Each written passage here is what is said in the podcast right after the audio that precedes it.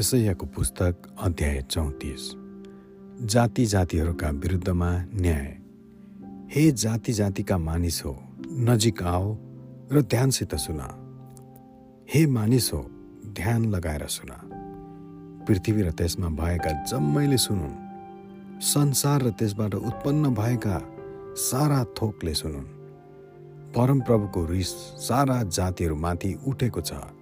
उहाँको क्रोध तिनका सारा सेनामाथि परेको छ।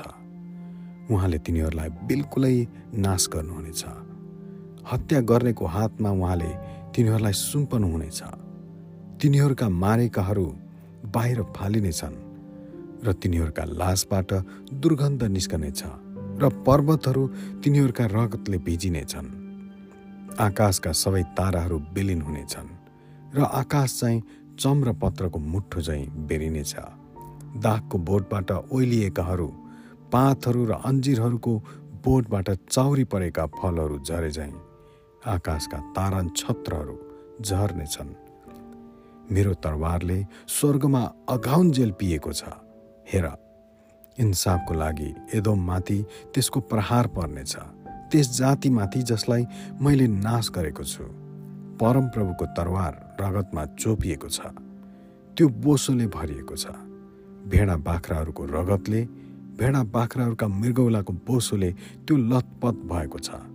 किनभने बोजरामा परमप्रभुको एउटा बलि छ र एदोममा एउटा ठुलो सहर संहार अर्नाहरू तिनीहरूसित र बादशाहहरू र ठुला ठुला साँडेहरू सोत्तर हुन्छन्। तिनीहरूका देश रगतले निथुक्क हुनेछन् र तिनीहरूको बोसोले सम्पूर्ण माटो भरिनेछ। किनभने सियोनको पक्षमा परमप्रभुको बदला लिने एक दिन छ साँटो लिने एक वर्ष छ। एदोमका खोलाहरू अलकत्रामा त्यसको धुलो जलिरहेको गन्धकमा र त्यसको देश चाहिँ बल्दो अलकत्रामा परिवर्तन हुनेछ। त्यो रात दिन निभ्ने छैन। त्यसको धुवा निरन्तर उडिरहनेछ।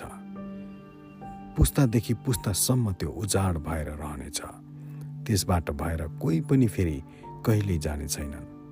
तर मरुभूमिको लाटो कोसेरो र कराउने लाटो कोसेरोको त्यो वासस्थान हुनेछ। भुल्का र कागहरूले त्यसमा गुण बनाउनेछन्।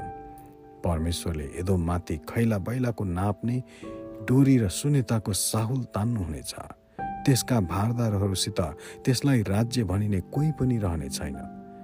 र त्यसका राजकुमारहरू लोपुनेछन्।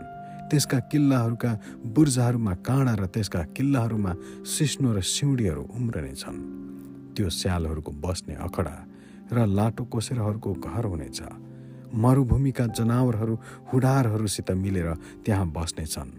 जङ्गली बाख्राहरूले आफ्नो साथीलाई ढाक्नेछन् र रातका जन्तुहरूले पनि विश्राम गर्ने ठाउँ पाएर त्यहाँ विश्राम गर्नेछन्। त्यहाँ लाटो कोसेरले आफ्नो गुड बनाएर फुल पार्नेछ र ओथ्रनेछ र आफ्नो पखेटाको छायामुनि बचेराहरू हेरचाह गर्नेछ। त्यहाँ भाले पोथी बाजहरू र आफ्ना जोडीसित जम्मा हुनेछन् प्रभुहरूको पत्रको मुठामा हेर र पढ। यिनमा एउटै पनि हराउने छैन। कसैलाई आफ्नो जोडीको अभाव हुने छैन। किनकि उहाँको मुखले यो हुकुम दिनुभएको छ र उहाँका आत्माले तिनीहरूलाई एकसाथ जम्मा गर्नुहुनेछ। उहाँले तिनीहरूका भाग छुट्याइदिनुहुनेछ। उहाँकै हातले नापेर तिनीहरूलाई बाँडिदिनु भएको छ। तिनीहरूले सदा सर्वदा त्यो अधिकार गर्नेछन् र पुस्तादेखि पुस्तासम्म तिनीहरू त्यहाँ बास गर्नेछन्। आमेन।